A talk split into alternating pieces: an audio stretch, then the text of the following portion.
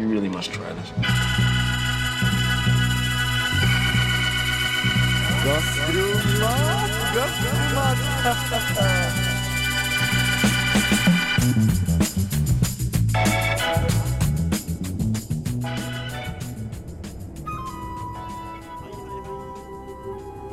Hei, hei, hei, og velkommen til semesterets første sending av Gastromat.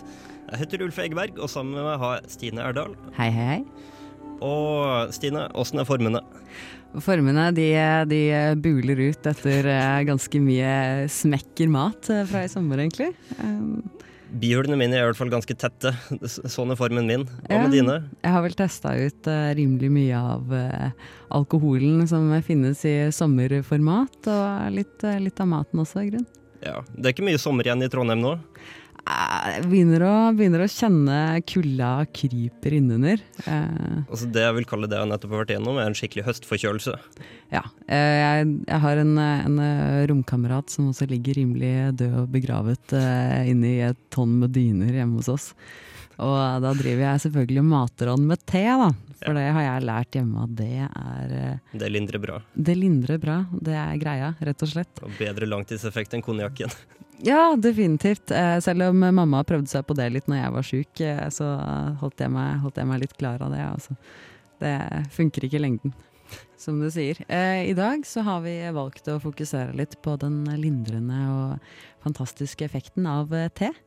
Og eh, da skal du få høre litt om eh, historien bak det, rett og slett. Tenkte vi skulle begynne med. Um, godeste legenden Chenong, Shenong, som eh, var en eh, master, en urtemann, i Kina for eh, ca. 5000 år siden. Og han, eh, det sies at han smakte på ca. 365 urter. Og at han hadde en ja, Dette er jo kanskje da litt mer vagt, han var, jo, han var jo høyt oppe i hierarkiet. Men det sies også at han hadde en gjennomsiktig kropp. Jeg vet ikke hva slags eh, legemlig greie altså, det kan eventuelt være. Og hvilken effekt har det på historien? Han kunne se eh, urtenes effekt inni sin egen kropp. Ja, Åpenbart. Ja. Så det er vel kanskje en del metaforer for, eh, for innsikten han hadde. Vil jeg regne med. Men uh, han døde altså da ironisk nok av en overdose av uh, giftplante. Okay. Som han prøvde å kurere med te. Mm. Eh, og ja, han, det sies at da per legenden så oppdaget han eh, den legende effekten av te ved å eh, han, satt, han satt ved et bål, og så blåste det sånne gløder fra de teplantene som lå på bålet, oppi gryten hans. Og det var sånn han fant ut av det. Det er også en parallell eh, parallell historie som eh, viser til at han eh, satt med koppen sin, og så blåste det noen blader oppi, men det er vel litt samme greie, er det ikke det? egentlig? Jo, omtrent. Men du sier teplante, det er ikke hvilken som helst plante. Det er ikke det, altså. Det er én som regnes som ordentlig teplante. Camellia sinensis. Det er det. Oi. Per latin. Ja. Har ikke noe med den planta å gjøre, så er det ikke te, altså. Du Nei. kan drite langt i bestemors frukthav og alle andre frukter. Det er ikke skikkelig. Du skal vel hate ordentlig på det etterpå også, tenker jeg. Ja. Gastrohat-spalten din. Uh, ja. Nei, uh, denne gode kineseren, uh, han fant ut av teets mysterie for, to, i 2037 før Kristus.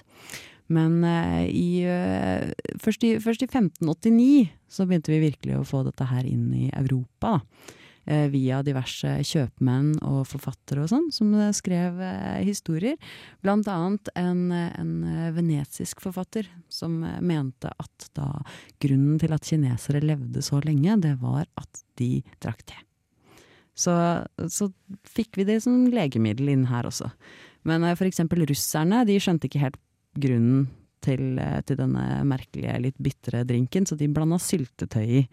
Og hata litt på det frem til eh, Ja, det var vel ikke Det var vel på 1700-tallet eller noe, hvor det plutselig ble en nasjonaldrikk ved siden av vodka. Mm. Så da har du fått en eh, liten, liten innføring. Det har jo vært eh, starten på litt revolusjoner og sånn også, men det kan vi jo kanskje komme tilbake til. Ja. Ja. Eh, du skal få, få høre en liten låt. Passe med det asiatiske temaet. Her er 'Sønn'.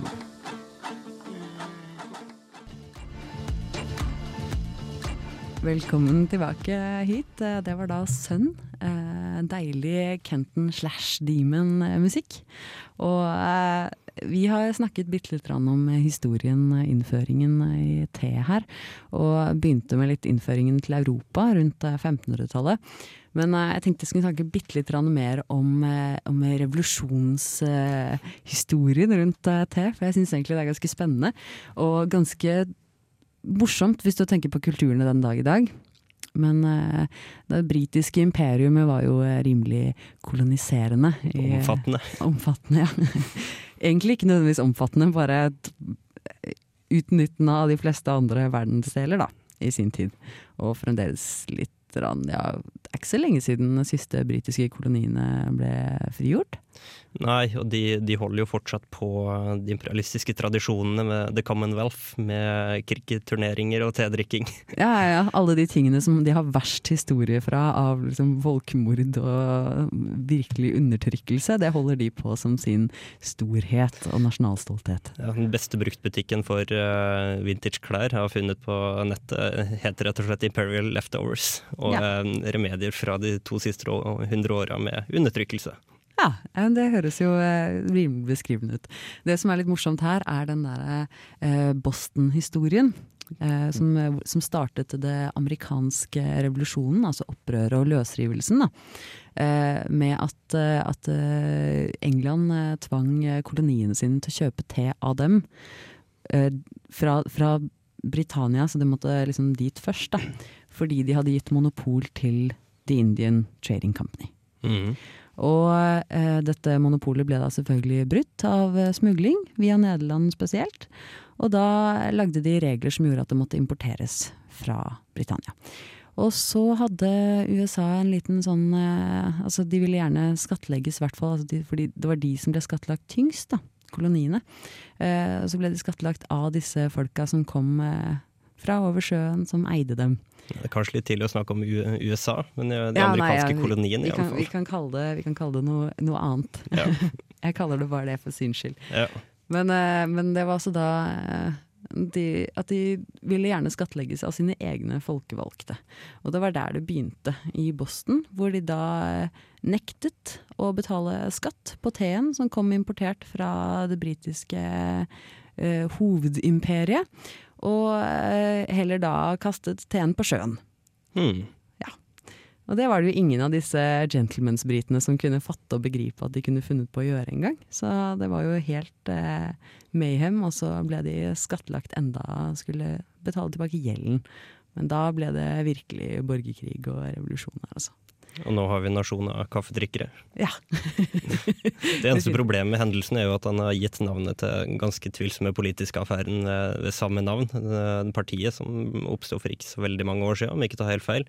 Med en masse konservative idioter som eh, best kan sammenlignes med en viss Langes parti her i Norge. Ja. Det eneste positive med de er at de gir uh, satiristene i, uh, i, USA, som uh, The Onion, veldig, veldig godt fyllstoff til sendingene sine. Sant nok. De skal jo fungere til noe, de òg. Men uh, du, har, uh, du, har, noen små fakta om te til oss i dag, du? egentlig? Ja, jeg lurer på om vi skal ta det etter en låt? Ja, vi, skal, vi tar og spiller en, en, spiller en liten, liten Andrea Triana. A Town Called Absolute. Radio Revolt. Mount Kimby. De har remiksa en flott låt. Jeg liker vel gruppa veldig godt. Det var altså A Town Called Absolute, originalt av Andrea Triana. Mm, når vi snakker om te, så er det noe av problemet uh, at det blir et sånt sekkebegrep. Uh, hvis vi først konsentrerer oss om uh, Camellia sinensis, planten, så ekskluderer vi allerede mye som vi kaller te rundt omkring. Um, F.eks. roibos fra Sør-Afrika, eller eh, alle de krydder til konstellasjonene. Men hvis vi først har utgangspunkt i, eh, i, planta, så er det ganske store forskjeller også, som har sitt utspring i, i historien. Men uh, vi har f.eks. ganske ulike tradisjoner for å drikke te i Kina og England, som kanskje er de som uh, utmerker seg som de største tedrikkende nasjonene i dag. Det som er litt spennende, er på en måte den derre eh, Jeg vil nærmest kalle det voldtekt. Altså, Engelskmennene hevder at de er så utrolig glad i te, og det er deres favorittdrikk. Men de putter altså melk og sukker i teen sin. De drikker ikke nødvendigvis teen rent. Og gjerne sitron. Ja. Og ikke alltid fersk sitron engang. Nei. Det er ganske trist. Men om eh, Kina og England eh, utkrystalliserer seg, da vil altså være, være tydeligst i forskjellene, så er det fortsatt sterke helt annerledes tetradisjoner i Japan og f.eks. India. Og du kjenner selvfølgelig til hvordan man drikker te i India. Uh, nei, faktisk ikke. Det må du fortelle om. Med masse, masse, masse melk. Chai latte. Eh, og, men det som fascinerer meg, da Altså jeg er jo veldig på japansk eh, kultur. Eh, på alle mulige måter, egentlig. Eh, det er jo mye å hente av der, da, men altså likevel. eh, de seremoniene som de har rundt det, med, med selve skjenkingen og, og alle, alle prosedyrene som går inn i det, og tevannet skal ikke være det skal, det skal bare være litt under kokepunktet, det skal ikke ha kokt. Og det er veldig sånn der, det er masse sånn etikettegreier som, som uh, må følges. Det syns jeg er veldig spennende. Ja, jeg fikk faktisk tak i uh, en, en te fra Japan som heter matcha, som eh, Jeg lurer på om det guokokoru-teen som er malt opp til et fint, fint grønt pulver, som ligner litt på eh, asiatisk O'boy.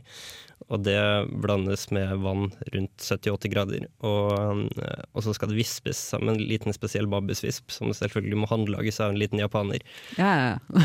Og da får du en, en sånn cappuccino-lignende drikk, bare med um, en sånn bitter grønn tebase, som drikkes i små kopper. Og det er keiserteen i Japan, og det, er- det er ganske stilig.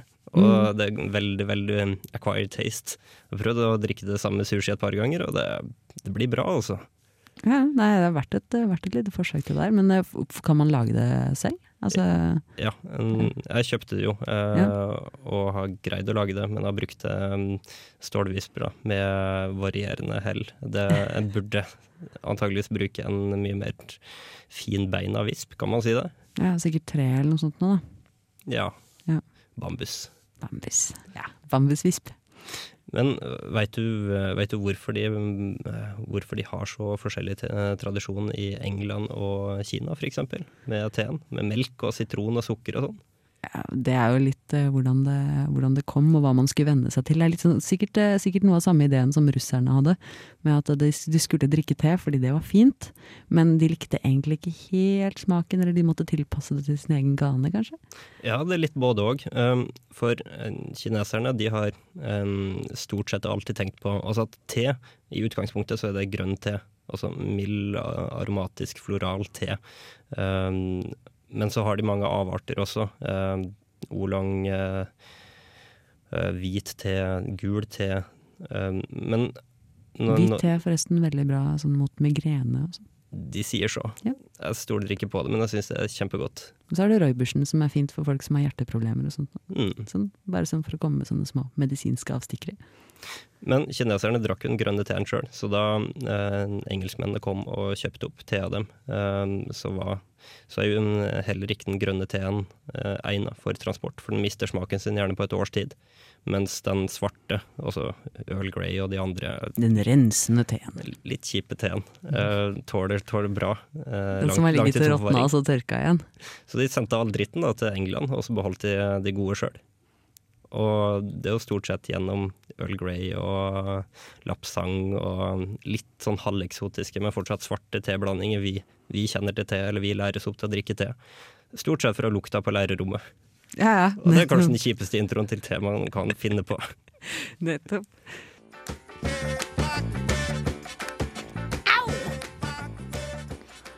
Det var da The Meters som vi avslutta med der. Uh, hey Pack Away! Ja, den eh, traff på eh, trommisen i sommer. Han eh, spilte sammen med Øystein Greni på Kulturhuset i Molde under Moldejazzen. Det er han fra, fra Big Bang, er det ikke det? Yes. Ja. Det, han har jo hatt en liten turné i Norge nå. Fordi han hadde, som han sa på Jeg, jeg møtte han faktisk på trommeklinikken hans på, på Notodden Bluesfestival. og Da var han Han eh, nevnte noe om, eh, om kostnadene med å dra rundt på et eh, svært band for en gammel, gammel fattig mann som han selv. Han er vel ikke helt fattig, men det var det han sa. Så da hadde han møtt godeste Big Bang-vokalist, hvis ikke jeg tar helt feil, Ja. i Los Angeles. Og så hadde de hooka opp. Så hadde han sagt ah, you can use my band. Faktisk. Det var en flott kveld. Mye funk. Ja. Eh, han, er, han er ganske funky. Den trommeklinikken var jo eh, mest basert på løst basert på, på hans eh, bragder innenfor, eh, innenfor revolusjoneringen av trommingen av jazz og funk. Rimelig, rimelig vage, utskeiende uttalelser der, altså. Det som er litt morsomt med The Meters og um, da, det er jo at um, altså jeg var Jeg, var, jeg jobba jo for Moldejazzen og var artistansvarlig for han, så jeg passa på at han fikk nok øl og kom seg fra hotellet til scenen og sånne ting. Og det var to ting han virkelig spurte om den kvelden. De skulle gå på rundt midnatt på Kulturhuset. Det var stappfullt. Det var to ting han ba om. Det ene var en vifte som blåste han i ansiktet, for han ble dritfuckings varm, påstod han. Og det andre var at det kom en rykende kopp med varm te 20 minutter ut i konserten. Ja. Åh, det var det, faktisk. Og 20 minutter seinere så fikk han en ny kopp te, og 10 minutter seinere igjen så fortalte han om en historie hvor han eh, på 80-tallet hadde fått servert te med LSD i koppen. Ja. Såpass. Han hadde ikke, han hadde ikke vent seg av med det, da. Den grunn. Konserten hadde blitt legendarisk, men ikke bra. Nei. Var vel, det var vel noe sånn om at han eh, var rimelig sånn Hey, yeah, I'm just playing, yeah, wee! Og så ble han litt sur etterpå når han fant ut av hva som hadde skjedd, egentlig. Vi digrerer. Ja. Vi skal tilbake til uh, hovedveien, um, og det var snakk om eh, spesielt grønn fersk te, og hvordan man skaffer den eh, mest effektivt, eller billigst da i dag. Og for økonomisk bevisste studenter, spesielt uh, gamle teknofriker som meg sjøl, så er det ikke noe hemmelighet at eBay står for uh, det meste av uh, kul handel, i alle fall på nett. Takk Gud for svartemarkedet. Ja. For man får tak i det meste nede på te- og kaffebutikken i sentrum, men eh, Svindyrt. spesielt de litt mer eksotiske tetypene er ekstremt dyre, og gjerne utblanda også, med, for å eh, lage nye smaksvarianter. Og det, det er litt kjipt når man vil inn til kjernen, eller essensen av hva te egentlig er for noe. Ja. I hvert fall de, de rensende teene, de som faktisk du kan eh, ha, ha i hjernen din mens du drikker dem, at dette hjelper kroppen min. Ja, ja, ja, jeg er realist. Du er en Jeg er en drømmer, jeg, vet du. På, eBay så i hvert fall eh, bare det siste året egentlig, så um, vi har skaffa tørka tang til kollektivet, til nudelsupper, og uh, kjøpt ulike chilityper, og fått tak i rein kapsaisin, virkemiddel i pepperet. Og vi har i, hvert fall sjekka ut tilbudet på wasabi fra Japan, den ferske rota. Det, de ville ikke selge det til eh, steder det tok mer enn to dager å frakte det til. Så skjørt er det. Og jeg har også kjøpt frø til krydderurter, og pepper og kanel direkte fra Sri Lanka. Men den beste oppdagelsen hittil, det er T-butikkene i Kina. For her er det ikke snakk om én eh, selger på eBay, det er massevis. Og det skal bare et enkelt søk til på en av de kjente typene før man eh, får en lang liste med flere forskjellige alternativer. Men den selgeren som jeg har funnet, eh, som heter Idlu, IDLLU, har eh, 5000 salg bak seg eller noe sånt, og stort sett bare positive tilbakemeldinger. Og da er det snakk om årets avling som eh, sendes direkte i posten til deg. Og det er virkelig en slik og ingenting eh, i forhold til eh, prisene på te- og kaffebutikken. Og som om det ikke var nok, så er de ganske liberale når det gjelder verdimerking av pakker. Så det hender at de forglemmer seg eller forskriver en eh, 40-50 dollars pakke til godt under momsgrensa. Og det er veldig hyggelig. De har, sist jeg sjekka, mellom 1000 og 1500 forskjellige typer te. Og da, mm, av de mest berømte, så har de gjerne flere graderinger. Du har, eh, altså, når vi snakker om gradering, så er det kanskje Darjeeling First Flush som er den mest kjente. Altså den, de første skuddene som plukkes. Og her, her får man en hele rekka nedover med tre-fire forskjellige graderinger. Og bilder for å illustrere hvor, hvor friske de ser ut. Og det er virkelig forskjell. Hva er forskjellen i smaken, egentlig? Har du noe eh, peiling på det? Har du, testet, har du kommet så langt i, i utprøvingen av denne kinesermannens eh, varer? Jeg har ikke sjekka forskjellige rangeringer av eh, samme tetype, men Nei. jeg har kjøpt billig te og dyr te i eh, samme segment, og det har, det har vært verdt prisen, eller oppgraderinga, til, til de, eh, de Royal Flush. Uh. Men eh, når man har så mange tetyper å velge mellom, så eh, er det ikke til å unngå at det blir veldig vanskelig å sette seg ned og plukke ut én eller to for å begynne et sted. Og da mm, kommer resten av internett og gjerne Wikipedia inn. De, det finnes flere lister over de 20 mest berømte T-typene, eller de som det refereres mest til i bøker og andre verk. Og det er jo ikke noe hemmelighet at det er de mest berømte som er gjerne de mest eh, smaksrike, markante, verdt å prøve. Og sjøl kan jeg f.eks. anbefale Dragon Well, som eh, smaker himmelsk, og som ingenting av det du får i Norge, vanligvis i alle fall. Det finnes en del hippe tebutikker på Grünerløkka, men de er ganske Vi er ekskludert fra dem her, altså. Jeg vet ikke, skal vi sette på um, The Budos Band? Jeg syns vi skal gjøre det, for de er ganske funky. Så skal vi gå ut og lage oss eh, litt eh, forskjellige typer kopper med te og sitte her og slurpe litt, tenker jeg. Yeah. Da er vi tilbake, og studio har forvandla seg til en aldri så liten MacGyver-stue. En Mens, liten eh, oase, vil jeg si. Mens The Budos Band Unbroken Unshaven spilte, så har vi funnet fram tekopper og ingefær og en ostehøvel og litt assortert te. Hvordan, hvordan fant du eh, ingefær på studentradioen i Trondheim? eh? Jeg bruker å ha med ingefærkvast i veska, sånn for sikkerhets skyld. Ja, ja, nei, altså, de fleste har med en stungun, og du har med ingefær. De fleste har kanskje ikke med en stungun. Okay. Det kanskje ta i litt. Ifølge ryktene så skal en ingefærkvast i rumpa ha omtrent samme effekt som en stungun. Vi har jo hatt ingefær spesial, ja, på, på litt sånn uh, fetisj, fetisj-tendensene til ingefær. Det, det var det du som kom med. Det var det som kom med. Ja. Skal du ha ingefær også? Jeg vil gjerne ha litt ingefær. Du vil ha ingefær, Da fortsetter jeg å høvle. Jeg har nemlig tatt med litt forskjellige typer te hjemmefra, fordi jeg har sett litt for mye japanske eh, samuraifilmer i det siste. Sånne gamle klassikere med Wu-Tang og templer og litt sånn forskjellige ting. Um, og da eh, har jeg snubla innom litt eh, tebutikker i Trondheim, jeg da. Hmm. Ikke så fancy som deg som kjøper sånne her etsende chilier og sånn. Jeg husker de chiliene skjønner fra den chili con carnen. Det var- Jeg hadde vondt i hendene i sånn to dager etterpå. Men eh, det var altså Jeg har kjøpt en sort te som er litt sånn, ja Den er, den er ganske ren. Mm. Ganske god, egentlig. Men eh, den har litt sånn fersken- og aprikose-infusion, da. Eh, hvis man kan kalle det det. og så eh, har jeg kjøpt en, eller fått faktisk, fra en venninne av meg som var en tur i USA. Så har hun kommet med ekte chai. Eh, men ekte chai da med en bunch med andre ting oppi. Litt sånn nellikspiker og sånne herlige ting. Ja, men det er jo, altså, chaien det er jo i utgangspunktet en krydderblanding i seg sjøl. Ja, Så det, det. blir sånn krydderte. Det, det er vanskelig å gå feil der. Ja. Det skal lukte ganske godt kanel av en chai-blanding. Ja.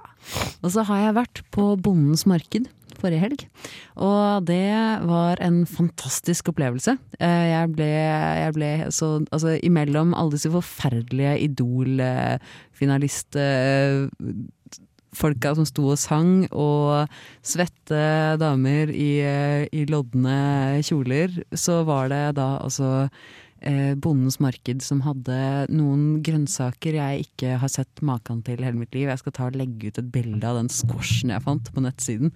For det var noe, noe verre greier. Altså, det, var, det var størrelse på et, med ett år gammelt barn omtrent. Eh, og det vil du også se på nettsiden, fordi det ble min baby, og den har jeg spist i fire dager nå. eh, også blå gulrøtter. Eh, sånne sortblå gulrøtter som smakte helt fantastisk. Det er også for så vidt et lite tips jeg kan komme med nå. Ta og Grav litt i, i de ferskvareavdelingene i Norges lande, fordi nå er grønnsakene på sitt absolutt beste. De bugner alt mulig rart. Et uh, annet tips også, hvis du kommer over uh, Bondens marked igjen, ta og kjøp med deg litt uh, gul blomkål. Det er noe av det beste jeg har smakt, faktisk. Vi skal drikke litt te med ingefær nå, så skal du få lov til å høre på en passende låt så lenge, hvis ikke jeg tar helt feil. Bell and Sebastian for the price of a cup of tea. Og vi sitter her og drikker noe herlige greier, syns jeg i hvert fall. Hva drikker vi? Hva ville du kalt det? Uh, fusion something Vi har egentlig maltraktert alle prinsippene om renhet vi snakket om Jeg- tidligere. Jeg kaller det forkjølelsested. Ja, det er greit. Det er greit. Jeg kan kalle det forkjølelses-te òg. I krig, kjærlighet og tette bihuler, så alt lov. Sant nok. Uh, vanligvis så pleier jeg å gå for en eh, grønn te med litt uh, sitron og litt sukker. Bitte litt grann honning, selv om det dreper, uh, dreper sitronen bitte lite grann. For det blir en sånn veldig behagelig eh, og samtidig sterk smak som på en måte slår deg ut, og som smører alt. Og der kan man også putte oppi bitte litt ingefær, og det er det vi har gjort nå. Men, eh, Nei, vi har ikke putta opp bitte lite grann ingefær. Vi har tatt oppi ganske mye ingefær. Sånn nok. Det lukter faktisk utafor studio. Ja, ja. Nei, det trekker sånne små gaseller og, og antiloper som vi skal ta og spise til middag etterpå. Men, eh, ja. Forkjølelsessted ble introdusert for meg av uh, Kaffefuglen i Oslo. Fantastisk kafé, og enda mer fantastisk cocktailbar på kveldstid. De har utvikla ting som en ingefær daiquiri, som høres nice. helt fantastisk ut. Ja, jeg er enig, altså. Vi begynner å slippe opp for tid den, for denne gangen. Vi Vi har nettopp altså. starta et nytt semester. Mange gode ideer, Ja. men litt prega av både vær, jeg ser ut nå, og det regner. Det passer med den tekoppen her nå, altså. Det passer så utrolig godt. Og hvis du klarer å røske deg gjennom regnet til en eh, tebutikk, så ta og kjøp deg noe ordentlig eh, Noe ordentlig som du kan ha i et lager til vinteren, tror jeg. Sånn ordentlig når det blir høst, altså ordentlig høststormer og sånn. Da Ja. passer det bra med te. Husk at det går an å trekke te flere ganger. Ikke være en norsk eh, rik idiot som kjøper te fra Kina, trekker den én gang, og så kaster den i. Og så gir jeg en liten eh, shout-out eh, til Sondre Hopstad, som ligger hjemme og er syk. Og jeg håper du, eh, 100, håper du blir frisk 100, snart. 100. 100. 100. Vi er ved veis ende. Ja, dere må høre på Gastromat på Radio Revolt. Eh, FM 100, 100. 100. Og fra en bakgårdskonsert i sommer så sier vi ha det bra fra studio. Ok, hvis dere har fulgt oppskriften langs hele veien, så kan dere nå sette dere ned og chille. Og nyte Tomatløkstuing. Ja, kall det det. Det hørtes veldig herlig ut. Den er så eh, kompleks at eh, man har ennå ikke helt kartlagt alle smaksstoffene som blir produsert.